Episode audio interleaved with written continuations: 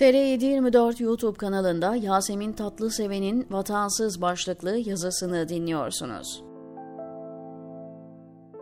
Hatırladığım kadarıyla e-devlet şifremi giriyorum. Ülkeye giriş çıkışım fiili olarak mümkün olmasa da sanal olarak giriş çıkış yapabildiğim için kendimi şanslı hissediyorum. Bu arada kimlik numaramı iyi ki ezberlemişim. Zira yurtsuz kaldığım gibi kimliksiz de kaldım. Şu garip mülteci, yabancı bir ülkede gözü dönmüş hırsızların gazabına uğradı. Paramla birlikte nüfus cüzdanım da çalındı.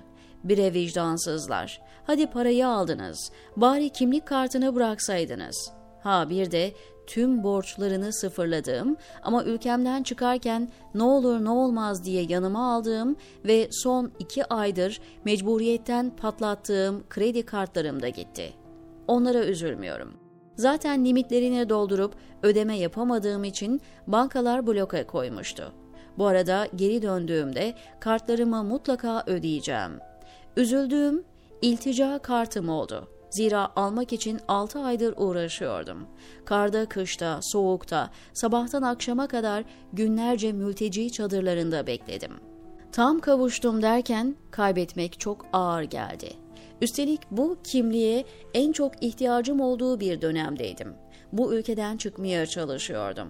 Çıkmadan önce ilticamı geri çekmeliydim. Dolayısıyla o kimliğe ölesiye ihtiyacım vardı. Hele para, o an itibariyle nasıl lazımdı bir bilseniz. Durun, onu da anlatayım. Gideceğim ülkenin istediği tüm resmi evrakları toparlamıştım. Hiç unutmam, günlerden cumartesiydi. Kargolar yarım gün çalışıyordu. Evraklarımı postalamak için 12 sularında kargoya vardım. O kadar da mutluydum ki bu posta yerine ulaşır ulaşmaz seyahat belgem gönderilecekti. İki yıldır görmediğim çocuklarımla, üç yıldır görmediğim eşime artık kavuşabilecektim. Kargo ofisine girmemle birlikte tuhaf bir şeyler olduğunu anladım.'' Elimi sırt çantama attım ve başımdan aşağı kaynar sular dökülüverdi. Çantamın ağzı ikiye yarılmış, Diyarbakır karpuzu gibi açıktı. Cüzdanın yerinde de yerler esiyordu. İlk şoku atlattıktan sonra işimi bir an önce çözmem gerektiğini düşünüp o civarda olabileceğini tahmin ettiğim arkadaşlarımı tek tek aradım. Yabancı bir ülkede yarım saatin içinde yanıma üç arkadaşımın gelmesi ve parayı denkleştirmemize rağmen kargonun kapanış saatine yetişemedik. Çocuklarına kavuşmayı yıllardır bekleyen ben değilmişim gibi uçuşumu erteleyecek o koskoca iki güne yanıp yıkıldım.'' Fazla da yıkılamadıktan sonra tekrar işime konsantre olmaya karar verdim. En yakın karakol binasına gidip cüzdanım ve iltica kartımın çalındığına dair tutanak tutturdum. İyi ki bunu yapmışım. Çıkarken bu evrak çok işime yaradı. Ailemin bulunduğu ülkeye geldiğimde tüm iltica işlemlerine baştan başlamak zorunda kaldık. Bu arada kimliksiz ve pasaportsuz dünya üzerinde seyahat edebiliyor olmama çok şaşırıyordum kendime ait tamamen resmi olan öz hakiki pasaportumla uçamadığım ülkeye bir A4 kağıdıyla gelmiştim. İltica sürecinin en yorucu kısmı yaşadıklarınızı başından sonuna kadar tekrar tekrar anlatmaktı ve her anlatışımda olayı adeta tekrar yaşamak konuşmalarımızı kayıt altına alan memurun Brezilya dizisi izliyormuş gibi davranması, anlamakta zorluk çekip ikide bir lafımızı kesip enteresan sorular sorması ve bunlar gerçek olamaz şeklindeki şaşkın bakışları inanın daha da yorucuydu. Meramımızı anlatmak çok uzun sürse de bir şekilde işler yoluna giriyordu. Aradan geçen dört yılın sonunda pasaportlarımız nihayet elimize ulaştı hemen ilk yurt dışı gezimizi yapmaya karar verip çok da uzağa gitmeden en yakın ülkeye vize başvurusunda bulunduk. Heyhat, üçüncü dünya ülkelerinden birinde yaşadığımızı unutarak. Karşı ülke elimizdeki pasaportları anlamakta zorluk çekiyordu. Pasaport siyahi ülkelerden birine aitti. Biz beyazdık ve pasaporttaki milliyeti kısmında farklı bir ülkenin adı yazıyordu. Memurlar çaresiz işlemimizi yapamayacaklarını söyleyerek vize başvurumuzu reddettiler. İçinde bulunduğumuz durumu anlatan ve gerekli açıklamaları ileten yeni başvurumuzla kapılarına tekrar dayandığımızda şöyle bir çözüm buldular. Mağduriyetinizi anladık. O zaman kimliklerinizdeki milliyeti kısmına vatansız yazılsın. Vatansız mıydık biz? Uğruna ölebilecek kadar çok sevdiğimiz bir vatanımız vardı bizim. Üstelik vatan sevdasıyla büyütülmüştük. Bizim de dedelerimiz Kurtuluş Savaşı'nda, Balkan Harbi'nde savaşmışlardı. Biz de vatanımız için yıllar yılı çalışmış, üretmiş, vergi vermiştik. Birileri tarafından dışlandık, istenmedik diye vatansız mı sayılacaktık? Üstelik vatan deyince burnumuzun direği sızlayacak kadar özlemiştik. Hasretle yanıp kavruluyorduk. Bizi vatansız bırakanlar vardı belki. Ve bir de bizim vatansız kalmamıza hiç ses çıkarmayan yakınlarımız, sevdiklerimiz, dostlarımız vardı. Ama biz asla vatansız değildik. Vatan bizim içimizdeydi, gönlümüzdeydi. Gittiğimiz her yere taşıyorduk onu. Vatansız. Ne kadar ağır bir söylemdi bu böyle. Bu sıfata da dolu dolu iki gün ağladıktan sonra kurtarırsa bizi çalışmak kurtarır diyerek işlerime motive olmaya karar verdim. Şubat ayının ilk günleriydi. Bir sabah acı acı çalan telefonlarla uyandık. Ülkemizde deprem olmuştu. Saatler ilerledikçe büyük resmi görmeye başlıyor, felaketin boyutlarını yavaş yavaş anlıyorduk.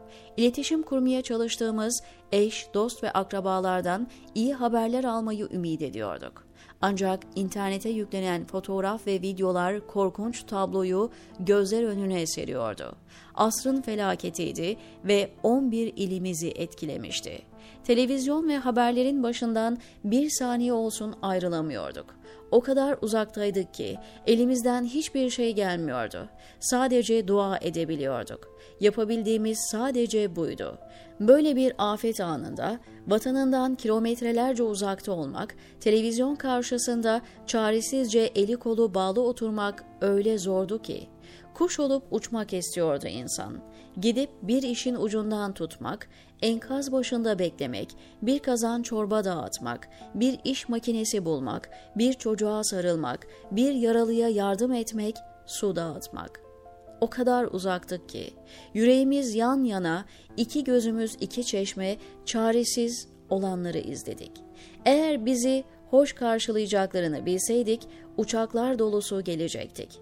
Yüreğimiz yandı yandı kavruldu. En yakınlarımızın cenazelerine gidemediğimiz gibi bu acı günde de güzel vatanımıza gidemedik. Haberler dünya basınına yansıdıkça her milletten arkadaşımız, dostumuz üzüntülerini belirten mesajlar attılar. Telefonla arayıp halimizi hatrımızı sordular. Evimize gelip acımızı paylaştılar. Amerikalı komşumuzun omzunda ağladım mesela. Mısırlı arkadaşım beni görünce öyle sıkı sarıldı ki sanki öz ablam bağrına basmış gibiydi. Afrikalı yerel dostum ellerimden tutup yaşlı gözlerimin içine bakarak tüm samimiyetiyle yanınızdayız dedi. Bu zor günleri gurbette güzel dostlarımızın desteğiyle atlatmaya çalıştık. O gün iki şeyi daha iyi anlamıştım. Birincisi milliyeti farklı da olsa zor günümüzde yanımızda olanlar gurbeti asla hissettirmiyorlardı. İkincisi bizi vatansız bırakmaya çalışanlara rağmen dünyanın neresinde olursak olalım vatanımızla anılıyorduk. Vatan sevdamız kalbimizde durmadan çağlıyordu. Buna da kimse engel olamazdı. Ve biz Gurbettekiler, dünyanın dört bir tarafında da olsak vatanımızın acısıyla üzülüyor, sevinciyle gülüyorduk. Bir gün elbet çıkıp geleceğiz uzak yollardan. Varılacak şehirler yıkılmış olsa bile döneceğiz. Bıraktığımız gibi bulamayacağımızı bile bile geleceğiz. Sevdiklerimizin mezar taşına sarılmak için döneceğiz. Giderken yolcu etmeyenler dönüşümüzde halaya duracaklar. Bizi vatansız bırakanların şaşkın bakışları arasında Torosları aşıp Akdeniz'in serin sularına bırakacağız kendimizi. Bir gün, elbet bir gün Antep'te baklava yiyip Kapadokya'da balona bineceğiz. Trabzon yaylalarında horon tepeceğiz. Van Gölü'nde balık tutup İzmir kordon boyunda bir konser izleyeceğiz. Doğu Ekspresi ile Ankara'dan Kars'a gidip belki küçük bir karavanla tüm Ege'yi gezeceğiz. Bir gün elbet Kız Kulesi'ne karşı çay içeceğiz. Dönecek bir evimiz kalmasa da döneceğiz. Bir gün geri döndüğümüzde vatan bizi bağrına basacak. Bir gün bize vatansız dedikleri günlere hep birlikte gülüp geçeceğiz.''